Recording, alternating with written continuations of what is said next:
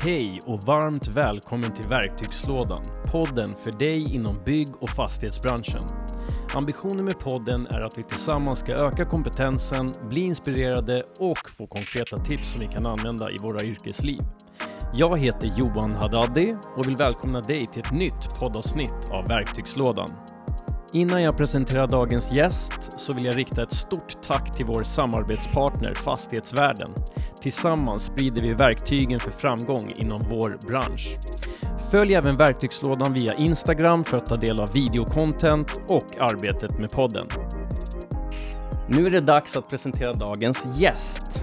Idag träffar vi Anna Nordin från Vasakronan som har en bred och lång erfarenhet inom fastighetsbranschen. Under poddavsnittet kommer vi bland annat att prata om Stockholm city. Varmt välkommen Anna! Tack så mycket! Hur känns det att vara här? Ja, men det känns jättebra, för vi är ju hemma hos mig, tänkte jag säga, på vår arena på Malmskillnadsgatan. Hur har veckan börjat? Vi är i början på veckan, mm. det är eh, tisdag idag. Eh, hur, eh, hur har veckan börjat? Bra, måste jag säga. Var i Uppsala igår hela dagen på ledningsgruppsmöte och satt då i vår fastighet eh, Magasin X, om mm. Eh, du känner till den. Nej, faktiskt inte. Nej, det är en eh, träfastighet som ligger precis vid spåret ungefär. Mm. Så där har vi också en arena och sen eh, vårt kontor.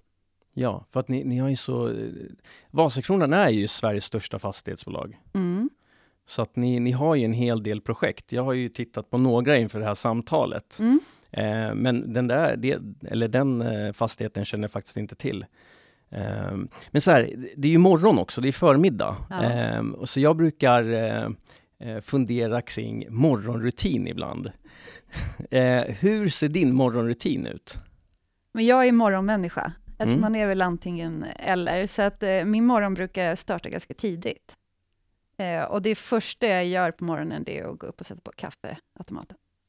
Så det är kaffe, det är där du mm, laddar? Där börjar jag min morgon. Och sen eh, är jag liksom säkert som många andra, att mobilen är ju inte så långt ifrån. Så att jag börjar dagen också med att bara kolla om det har hänt någonting eh, under natten. Det är nyheterna då eller? Nyheterna och mejlen. Ja, mejlen. Mm. Ja, det var det jag tänkte, det kanske var mejlen. Ja, båda. Ja, och sen så efter det, eh, hur tar du dig till jobbet? Eh, jag åker bil, elbil vill jag tillägga. Understryka. Ja, ja. Eh, jag bor i norrort, i Upplands Väsby. Mm. Så eh, det är därför jag också åker ganska tidigt. Jag förstår. Mm. Men kan du inte börja berätta lite, lite kort om dig privat? Mm. Eh, vem är Anna? Vem är jag? Eh, jag? Du nämnde för mig att du fyller 40 snart. Ja, jag, exakt. jag är fem år äldre, jag är 45 och eh, ganska nyligen fylld. Mm. Och har två barn som är 14 och 17, två pojkar. Tonåringar. Mm, så jag har mm. två tonåringar hemma. Eh, jag har ett ganska stort socialt nätverk som jag tycker väldigt mycket om. Familj och vänner är viktigt och eh, mm. lägger ganska stort fokus och tid på träning. Ja, mm. vad... Eh, när, gör du det på morgonen eller gör du det på kvällen? Nej, jag gör det på kvällen. Mm. Morgonen så är det liksom fokus barn och jobb. Förstår. Vad, vad är din favoritträningsform? Det är, men jag har lyxen att ha en eh, PT. Mm. Eh, och sen så den PTn har också samlat ihop en eh, grupp på fem kvinnor, som också är mina vänner, eh, som vi har vad vi kallar bootcamp en gång i veckan. Så min favoritträning är egentligen att träna många olika saker. Mm. Men styrketräning, bootcamp, löpning, ja. Blandat? En blandning. Ja. Nej, men jag själv, jag tog upp det förut i podden, att jag tror ju någonstans att så här, träningen är Eh, inte för att djupdyka i det nu, men eh, träning tror jag är väldigt eh, viktigt eh, av många olika anledningar. Jag känner själv att man eh, Nej, men man blir vassare i yrkeslivet också. Mm. Man, man, känner sig starkare, piggare eh, och så orkar man med när det är mycket att göra och, och lite tufft. Mm. så att okej, okay, träning, familj, mm. bra, all right. Men om vi, om vi tittar lite mer då på yrkeslivet. Mm. Eh, jag var inne, som jag brukar göra, eh, på LinkedIn och, och, eh, och, har tittat lite på vad du har gjort under ditt yrkesliv. Men du får gärna Ehm, berätta så här, från att du eh, studerade, så här, vad hände? Vad, vad, var ditt första jobb och sen eh, den resan? Mm. Jag ehm, gick på KTH, sista året som det hette lantmäteri, nu heter det ju samhällsbyggnad. Och eh, andra året som jag gick på KTH så var det eh, att de sökte en praktikant till DTZ som eh, nu är kursman. Eh, och då sökte jag det och eh, fick det jobbet och jobbade då på kursman eller DTZ en till två dagar i veckan under studietiden och sen på loven. Och sen när det var dags att skriva mitt eh, examensarbete så gjorde jag det där också. Så att jag fick en anställning egentligen där direkt efter att jag var klar med mina studier. Och eh, började då som tenant rep, om du vet vad. Ja. ja. Du får gärna förklara det för någon som inte vet. Mm. Vad, vad är det kortfattat?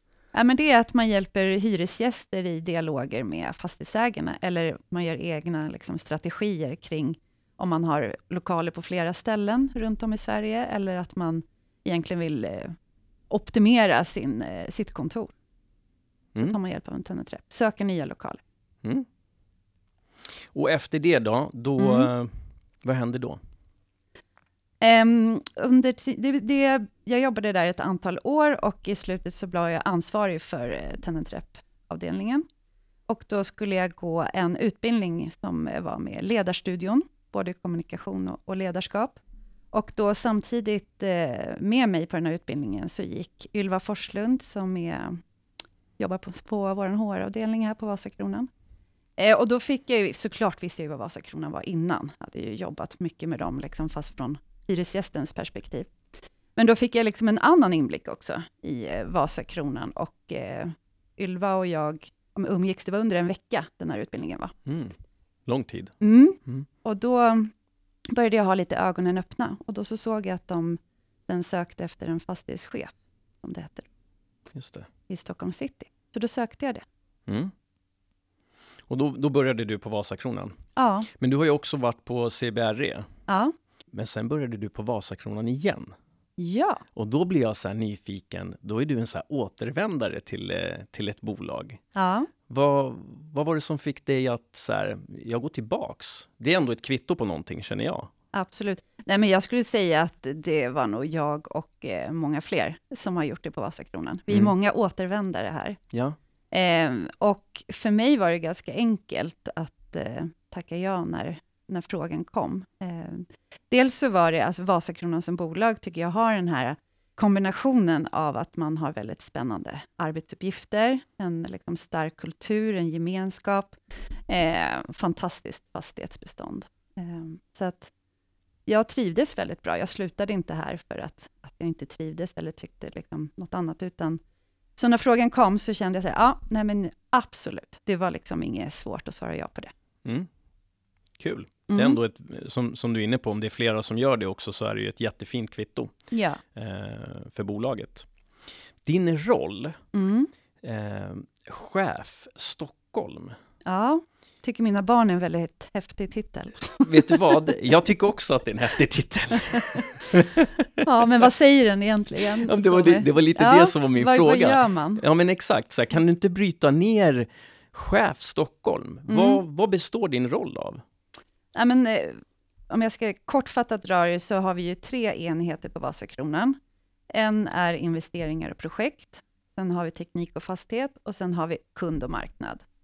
Och jag jobbar då på enheten kund och marknad, med ansvaret då för Stockholms bestånd. Eh, och då är det vad man kan säga intäktssidan, alltså förvaltning av affären. Och Stockholm är en stor del till värdet av eh, Vasakronans bestånd. Eh, ungefär 125 miljarder i värde. Och vi eh, har ju fyra olika affärsområden i Stockholm. Syd, nord, öst och city. Ehm, så att vi är ungefär 40 medarbetare i Stockholm som jobbar med intäktssidan och ehm,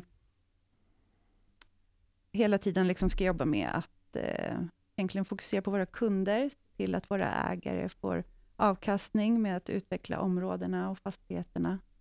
Eh, så att det, ja. Jag brukar säga det när man ska beskriva vad man gör. Man har ungefär en minut att beskriva det på kort, liksom, vad det är man gör. Men eh, ja, var det lagom långt tycker du? Det tycker jag, nej, men det är bra. Det är, kul, Ja. det är kul att höra lite mer, för att jag menar, just så här, vissa roller är ju lättare att greppa än andra roller. Mm. Just chef Stockholm kände jag själv när jag, när jag gjorde research, att så här, undra, undra vad det är. Och, men vad sa du, ni var 40 i det teamet? eller? Ungefär. Ja, Mm, ungefär. drygt. Mm, nej, men det, ja. Eh, ja, men tack för det. Eh, när jag tänker tillbaka själv, Mm. Ehm, vi pratade faktiskt lite om det nu när vi, innan vi började spela in. Eh, men när jag tänker tillbaks när jag träffade dig första gången, det var inte så att vi pratade jättemycket, men jag vet att jag såg dig i Vasakronans lokaler. Du var med på ett möte där jag eh, var närvarande. Eh, för att jag började ju min karriär egentligen på Vasakronan själv och det tycker jag är jätteroligt att sitta här idag och ha det här samtalet med dig och vara i era lokaler. För att jag började ju som konsult när jag började jobba. Eh, men jag jobbade i stort sett 100% åt Vasakronan i flera år. Eh, så att när jag tänker tillbaks på, för jag tycker om att tänka tillbaks och reflektera. Eh, och jag känner att min start i karriären eh, var till mycket stor del eh, med Vasakronans personal på något sätt. Alltså fastighetschefer, projektledare och det var ju många fall eh, ja, men förebilder, mentorer, alltså man kan ju kalla det för olika saker, men jag kunde men jag hade flera personer eh, som jag kunde titta på. Hur agerar de här människorna? Hur, hur för de sig? Hur driver de projekt? Hur genomför de möten? Så att jag tycker det är väldigt roligt eh, att bara kliva in i Vasakronans lokaler så här igen. Mm. Eh, för att som sagt, för att jag har startat min karriär eh, på ett sätt här, eh, Mm. fast det var som konsult. Eh, men jag känner ju till Vasakronan Mm. Just för att jag förklarar precis att jag liksom började min karriär tillsammans med er på ett sätt. Eh, men för de som inte, de flesta känner väl till Vasakronan, men kan du inte berätta lite kort så här, vad, Vasakronan? Mm. Du var inne lite grann på, på det. Mm. är det någonting mer du kan fylla på? Ja, absolut. Ehm, nej, men jag skulle säga att vi är ett fastighetsbolag som eh, har ett väldigt långsiktigt perspektiv, eh, med stort fokus på människor och hållbarhet. Ehm, och så vi skapar vårt värde, det är genom att utveckla områden och fastigheter och stråk och eh, se till att de är attraktiva och hållbara. Vi eh, finns i de fyra största städerna i Sverige och totala värdet eh, för Vasakronan är ungefär 175 miljarder. Framförallt så, så är det ju kommersiella fastigheter och eh, den större delen är kontor, men vi har ju också många fina restauranger och handelslokaler också i beståndet. Och eh, som jag nämnde där, våra ägare är egentligen pensionärerna, alltså både nuvarande och kommande. De fyra första AP-fonderna är våra ägare. Precis. Hur många är ni cirka, inte på så exakt, men hur många, är, hur många medarbetare finns inom Vasakronan? Ungefär 300. Mm, 300. Mm. Eh, Vad är de bästa professionella råden du någonsin har fått? Har du något sånt minne? Ja, men ett av de första råden jag fick, det var när jag gick på KTH. Då hade vi en professor som hette Erik, som var en riktig profil eh, Mm. under utbildningen. Och jag började på KTH med, med eh, den ambitionen att jag sista året skulle välja miljöinriktningen, för det har varit ja, men ett stort intresse för mig personligen. Och eh, under tiden jag gick på KTH så lär man ju sig liksom lite i taget och man läser vissa kurser.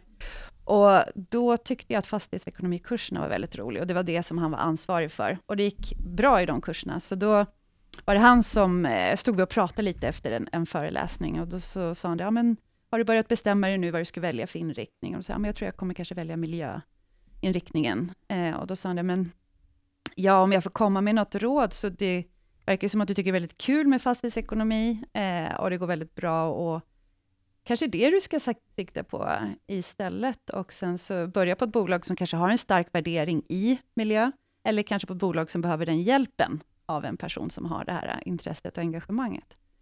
Så att, eh, då funderade jag på det och så valde jag fastighetsekonomi istället. Eh, och med tanke på vilka roliga liksom, jobb jag haft efter det, så jag, ja, men det är ett råd som jag är väldigt glad för att jag lyssnade på. Mm. Verkligen. Jag tänker också så här, eh, ja, men det, tillfällen också tänker jag på. Ja. Alltså så här, att du stod där just där Mm. och då eh, personen eh, tog sig tiden och pratade med dig och gav de här råden. Och så kan ett sånt litet ögonblick eh, få väldigt stora konse alltså konsekvenser i val och, och så, eh, Mm. som man tar i sitt yrkesliv. Så att, eh, ja men häftigt. Och långt bakåt i tiden också, kul. Ja. Mm. Ehm, du har ju ett stort ansvar. Ehm, eh, Jag funderar kring stress och så här hektiska situationer. Mm. Ehm, har du något, så här, hur hanterar du sådana situationer? Eh, men dels tror jag att jag är ganska lugn som person. Jag går inte liksom in i stressen på så sätt.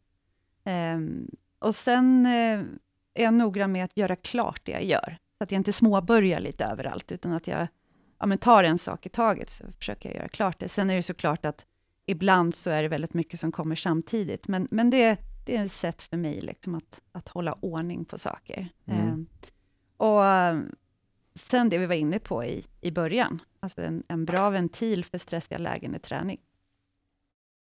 Behålla lugnet Mm. tror jag är en jätteviktig egenskap. Ehm, tror, det, tror du att det är bara som man är som person eller kan man jobba på det för att behålla lugnet?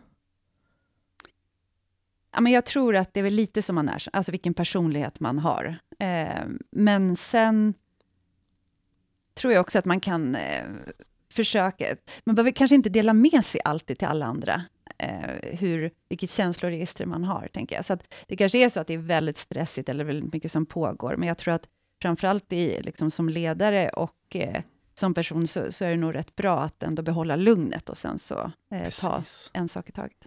Ja, men definitivt, det har du ju rätt i. Exakt. Fast det är mycket att göra. Om man är ledare, då gäller det att ha lugnet också. För andras skull också, Mm. för annars blir ju de uppjagade Ja. eh, över att man själv är uppjagad. Mm. Eh, och sen avsluta som du sa, man avslutar det man har påbörjat. Mm.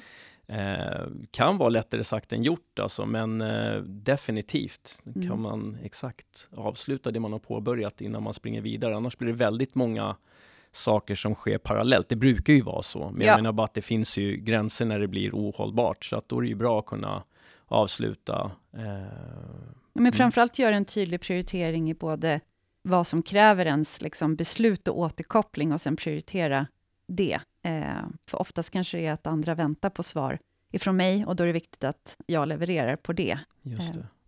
Mm. Ja, för då kan ju de jobba vidare och sen så Mm. kan du gå vidare också. Mm. Ja.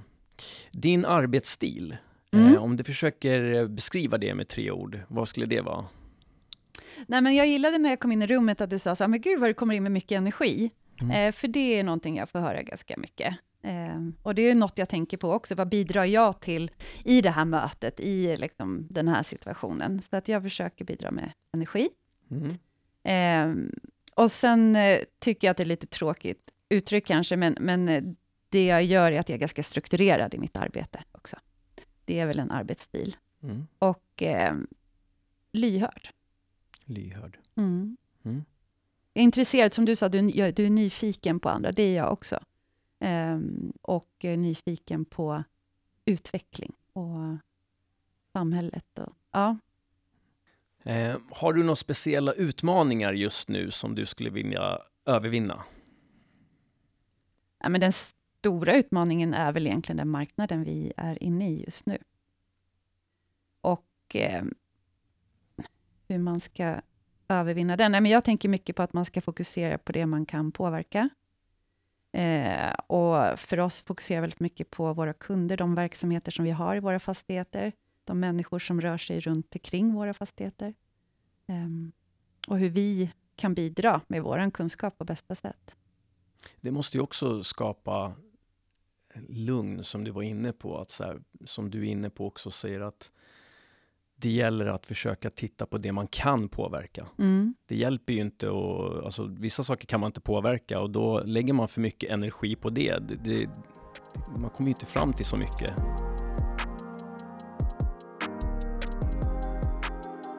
Stadsutveckling, Vasakronan, Stockholm city. Ehm, ni gör ju väldigt mycket och ni är på många ställen i Sverige. Men det här poddavsnittet tänker jag, eh, som vi har pratat om också, att vi fokuserar på Stockholm city. Mm. Eh, jag älskar Stockholm. Jag, jag är född här. Eh, Stockholm är vackert. Stockholm är fint. Eh, jag älskar att åka in till stan faktiskt. Jag bor i Hammarby sjöstad och sen när jag kommer in till stan, det, jag vet inte, jag tröttnar aldrig. Jag tycker det är, jag trivs här. Eh, men det kommer ju inte heller gratis. Man måste ju utveckla områden. Mm. Eh, och det är en perfekt, liksom, eh, för att gå över då till ert arbete, eh, känner jag.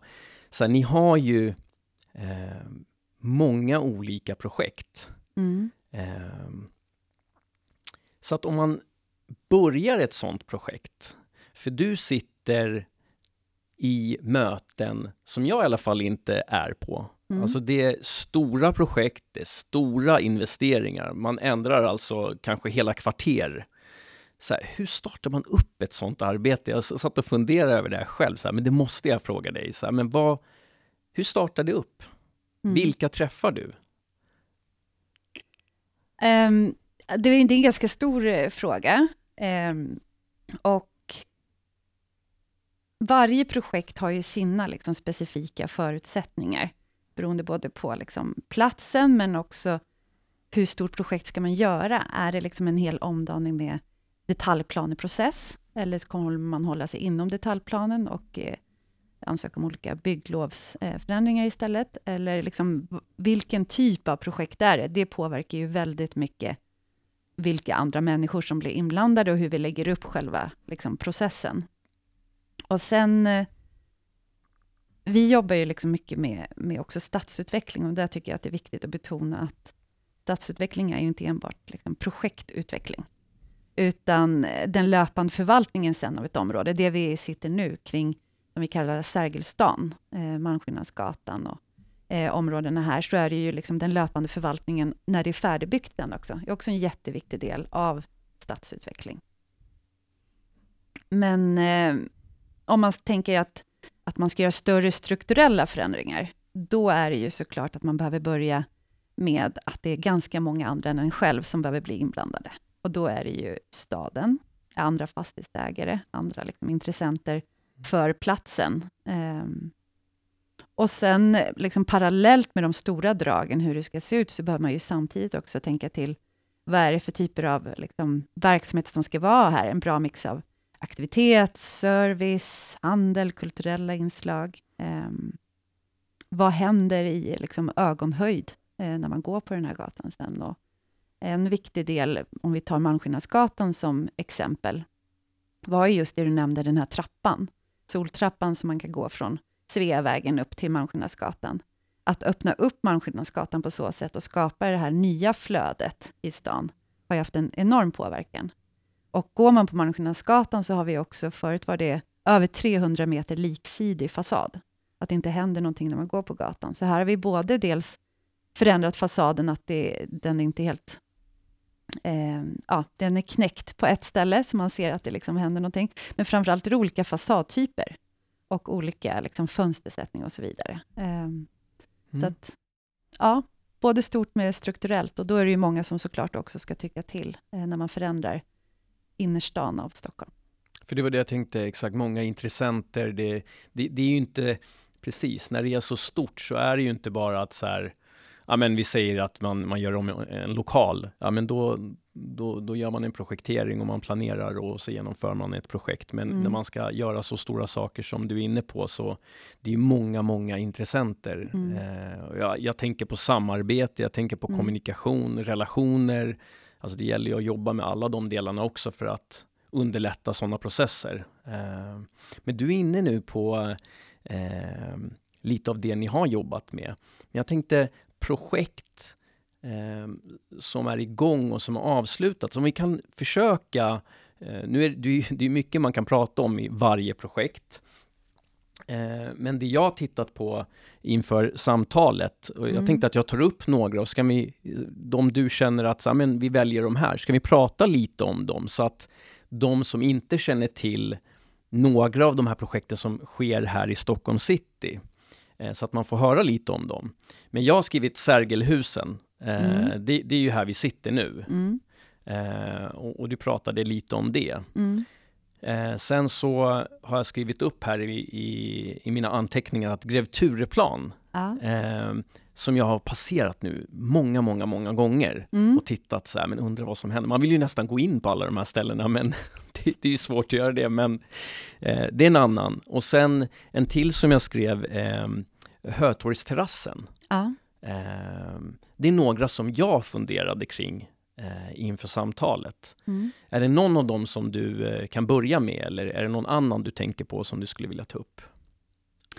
Ehm, nej men det, det är bra projekt att börja med, men sen eh, om man går på Hamngatan nu, så ser man ju också att vi bygger om eh, korsningen Hamngatan, Regeringsgatan, eh, Hästskopalatset. Just det. Så det är också ett projekt som eh, pågår eh, ungefär ett drygt ett år till. Ja, men jag läste i Fastighetsvärlden, Ja. eh, faktiskt så läste jag att eh, eh, H&M ska flytta tillbaks. Ja. Kan du inte berätta lite om den eh, fastigheten?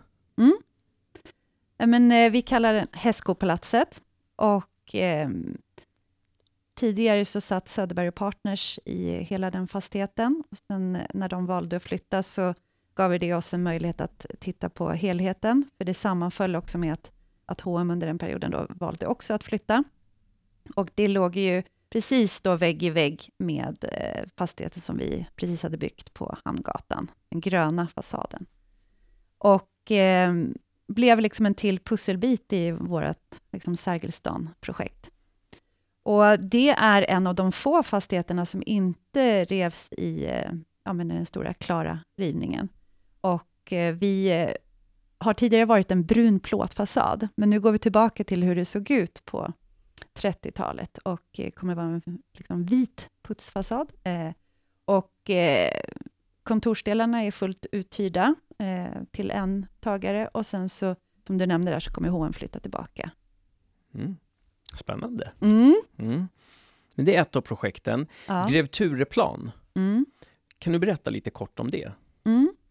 Men det är Grev Tureplan, om man ska orientera sig lite grann också, så var det, är det om man går på Birger med liksom svampen i ryggen, eh, på vänster sida, eh, och där tidigare Fridays låg, i Precis. bottenvåningen. Mhm. Ja, då kan man, och där tunnelbaneuppgången ligger också. Eh, den fastigheten, vi började 2021 eh, och bygga om den totalt, och den kommer stå klar här i sommar. Så det börjar närma sig. Och där har vi en hyresgäst som heter ARK, som är konsult och rådgivningsföretag, som flyttar in på kontorsdelarna. Och sen är det en, en blandning av butik och restaurang som kommer vara i bottenvåningar på Grev Turegatan och Birger Jarlsgatan. Ju hörnet där. Okej, Grev Tureplan har vi pratat om också då. Eh, Sergelhusen har vi pratat om. Kan du berätta lite kort om Hötorgsterrassen? Ja, men jag kan eh, kanske, för att sätta lite delar i sin kontext, nu har jag nämnt Sergelstan några gånger. Det, ja, som du sa, man inte riktigt är familjär med namnet eller, eller området, så, så är det liksom kvarteren som är runt Sergels torg. Eh, så det är egentligen vad vi, vi var ju SCB som satt i hela kvarteret eh, med Sveavägen, Hamngatan, Malmskillnadsgatan. Eh, och även liksom, kopplar vi på Sergelgatan eh, och Sveavägen, terrasserna som är emellan. Vi äger de fyra första Sjötorgshusen, det femte ägs av AMF. Och när SCB flaggade för oss att de skulle lämna, om vi tänker hela det kvarteret först, så började vi fundera lite grann kring, för SCB hade haft en ganska introvert verksamhet med personalmatsal och man kom dit när man började jobba på dagen och sen höll man sig oftast i liksom det här kvarteret i fastigheten eh, och åt sin lunch där och sen när dagen var slut så åkte man hem. Så det första vi började tänka på var just eh, vad vill vi att det här området nu när man får möjligheten ska signalera? Så vi satte ganska tidigt en tanke att säga folkliv alltid. Eh, och vad innebär det då? Jo, att vi eh, behöver tänka på dels vilka kontorshyresgäster som ska då liksom sitta i de här fastigheterna när SEB har flyttat ut. Men framför allt också kring eh, men de strukturella förändringarna, flödena i stan. Vad fyller vi våra bottenvåningar med och så vidare. Och eh, Sergels torg är ju ett område som många har liksom vissa egna tankar om, var att eh, det ligger mitt, alltså Stockholms hjärta. Det är en fråga som ställdes av, eh, av Stockholms stad och gjorde en liksom, undersökning som ganska, eller väldigt många människor svarade på, vad är Stockholms hjärta? Och då svarade man Sergels torg och området där runt omkring. Och så var följdfrågan, okej, okay, men vad gör du på platsen? Och så sa att, ja, det är väl egentligen en plats man passerar på väg någon annanstans. Så det var ju också en del i att folkliv alltid, men också en plats där man vill vara, att man vill uppehålla sig.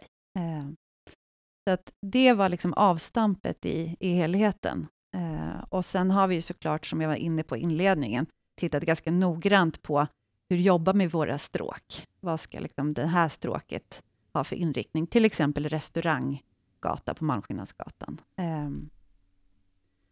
och när det gäller då Sergelgatan så ehm, kände vi att det är ungefär 5 000 medarbetare som jobbar i våra Hötorgsskrapor.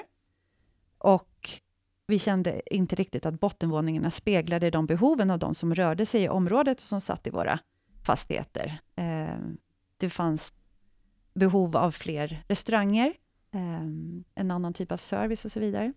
Så det var ju också liksom startskottet av Sergelgatan, eh, att få en mix av det som faktiskt speglar de som, som rör sig i området och utveckla hela bottenvåningarna. Men sen ska man komma ihåg att det projektet också är som eh, en av projektcheferna visat som ett isberg. Så det är liksom, det ser lite på toppen, men det är också väldigt mycket kring teknik och eh, helhet kring hur vi kan få de här fastigheterna bättre ur energisynpunkt och så vidare. Så det är ett enormt arbete som också ligger på det man inte ser med blotta ögat när man går på gatan. Mm. Precis. Ja, men vi brukar prata mycket om, eh, eller återkommande om just eh, teknik och digitalisering. Mm. Det har vi pratat om i, i tidigare poddavsnitt. Mm.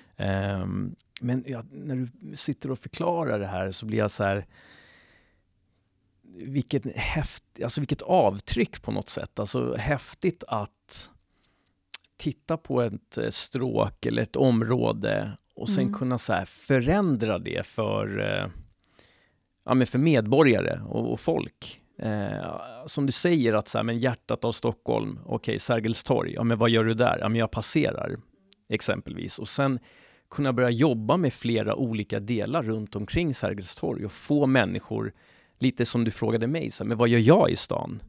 Eh, och se till att det finns eh, restauranger och att man får liv på något sätt på den platsen istället för att man, att man bara passerar. Det måste vara jättetillfredsställande och häftigt att vara med eh, på den resan för att göra ett sånt avtryck på staden, tänker jag. Mm. Ja, och framförallt alla samarbeten man har, för det vet man ju, man kan inte göra en sån omdaning själv, utan det har ju varit ett fantastiskt samarbete med de andra fastighetsägarna och att vi har byggt vidare på AMFs Brunkebergs torg och hur vi kunde bygga vidare med, med Malmskillnadsgatan och hur vi jobbar med Stockholms stad och de andra fastighetsägarna runt Sergels torg med trygghet och säkerhet och aktivera torget för just det att man ska stanna till eh, på platsen.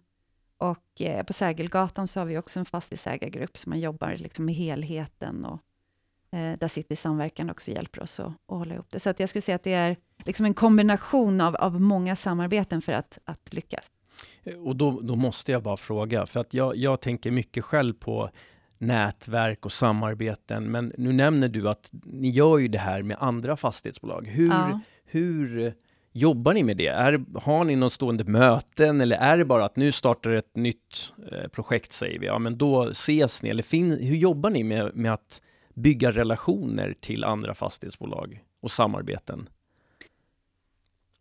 Um, ja, men jag skulle säga att, att det gör alla fastighetsbolagen här i city nu. Alltså man ser att vi bygger ju områden och i områden så finns det flera fastighetsägare, så att det är liksom det som är vårt fokus.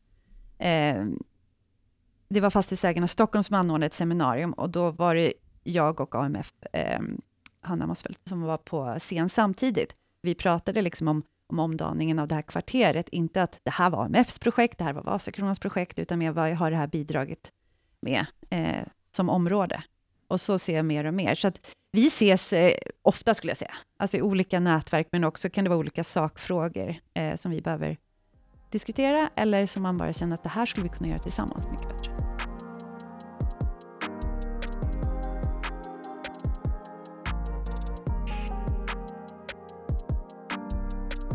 Vad tycker du definierar en bra ledare? Jag tycker att man ska leva som man lär. En viktig del. Som Den ledare. är väldigt viktig. Ja. ja. Och jag ser exempel på när det inte är så. Jag skulle säga att på Vasakronan är det fantastiskt många bra ledare. Eh, och där... Eh, ja, men det jag skulle säga att det är väl det som är grundläggande, det som bygger kulturen. Att man då lever som man lär på bolaget. Sen tycker jag en viktig del som ledare nu med, med informationssamhället och, och hur dagarna ser ut. Vi var inne på lite stress och sådär. En viktig del eh, och chefsansvar man har, det tycker jag att hålla kvalitativa möten. Alltså som man är förberedd på och verkligen tänka till innan också. Behöver vi ha det här mötet eller kan det gå till på ett annat sätt? Um, det tycker jag också kännetecknar en bra ledare, hur man håller i möten. Mm. Och sen eh, tycker jag personligen viktigt att vara inkluderande. Ja, jättebra. Precis.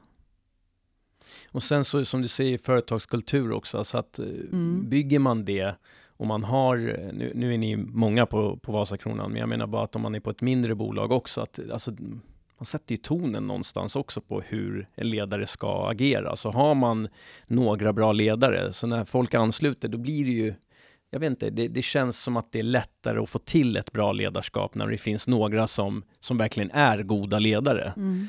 Uh, men det här med effektiva möten som du säger också, det är i, många olika mötessammanhang Eh, och det bokas ju väldigt mycket möten. Mm. Eh, så att det gäller ju att ta, liksom, vi, vi hade ett avsnitt om det också faktiskt. Eh, nej men så att det, det, blir effektivt, att man vet varför man ses. Och vi vet vad vi ska behandla och, och, och få igenom. Så att, eh, mm. Delegering är också en sak som eh, eh, kan vara knepigt. Här, hur, hur, hur jobbar du med delegering? jag tycker inte det är så knepigt, Nej. om jag ska vara ärlig, för att det, ja, men på Vasakronan nu, så de medarbetarna jag har runt omkring mig, men också de vi samarbetar med och så där, så är väldigt kompetent, väldigt hög nivå, eh, finns starka drivkrafter och man vill liksom framåt. Så att då blir eh, delegering ganska enkelt, för vi samlas ju kring olika liksom, frågor. Och då bildar man liksom en, en grupp som ska jobba med den frågan och då blir det ganska naturlig delegering. Vem som gör vad och hur vi liksom ska se till att gemensamt nå målen. Så det är inte något jag känner att jag behöver verkligen så här, fokusera och tänka på, utan det kommer väldigt eh, naturligt mm. i den här arbetsmiljön. Det, det låter ju väldigt eh, härligt. Alltså, för att det du säger då, det är ju att det kommer naturligt. Mm. Att alla vet vad, vad, de ska göra. Det finns drivkrafter som får människor att vilja framåt och då, då, det låter ju som att ja, då låter det ju enklare att eh, kunna delegera någonting. Okej, okay. eh, men beslut då? Alltså beslut Um, Vissa eh, människor måste analysera mm. varje beslut. Andra människor tror jag tar mer beslut på magkänsla. Eh, du ska ta ett beslut. Hur, hur gör du? Eller ha, eh, kommer det naturligt eller har du någon, något arbetssätt innan du tar beslutet? Ja, men dels känner jag att, att vi har ju betydande värden som vi ansvarar för. Eh, jag känner en, en eh, en stor respekt för de besluten som vi tar, eh, och det är ett stort ansvar. Vi har en väldigt tydlig mandatsfördelning och beslutsprocess, så att det är ju på så sätt ganska tryggt att veta vad, vad jag kan ta beslut om och inte, och vilka jag behöver involvera eh, för att komma vidare i mina beslut. Om man tänker på mig som, som person, så tycker jag om att få fakta, underlag. Så.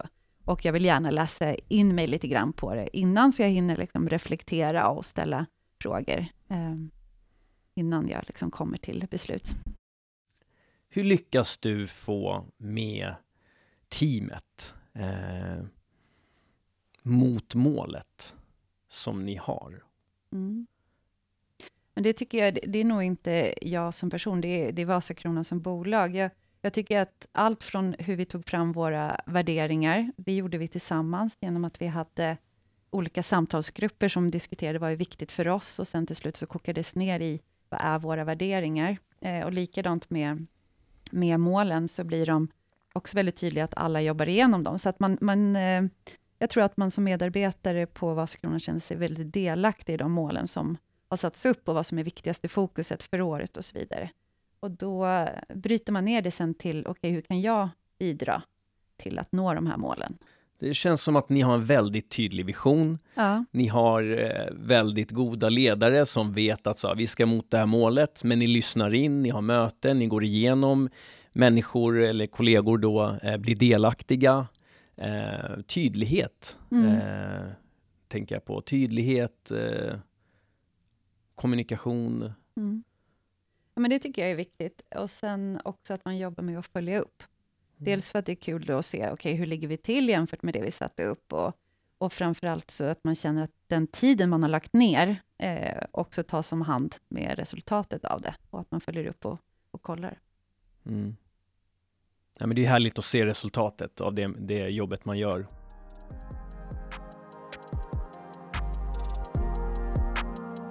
Har du någon tanke som dyker upp kring marknadsläget och tiden framöver?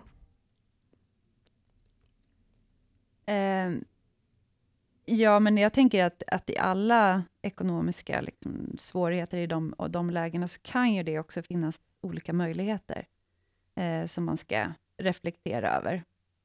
Eh, och vi har ju som ansvar att, att bygga liksom en långsiktig, stabil affär. Finns det några möjligheter i den marknaden vi är inne i nu, att bygga vidare på det?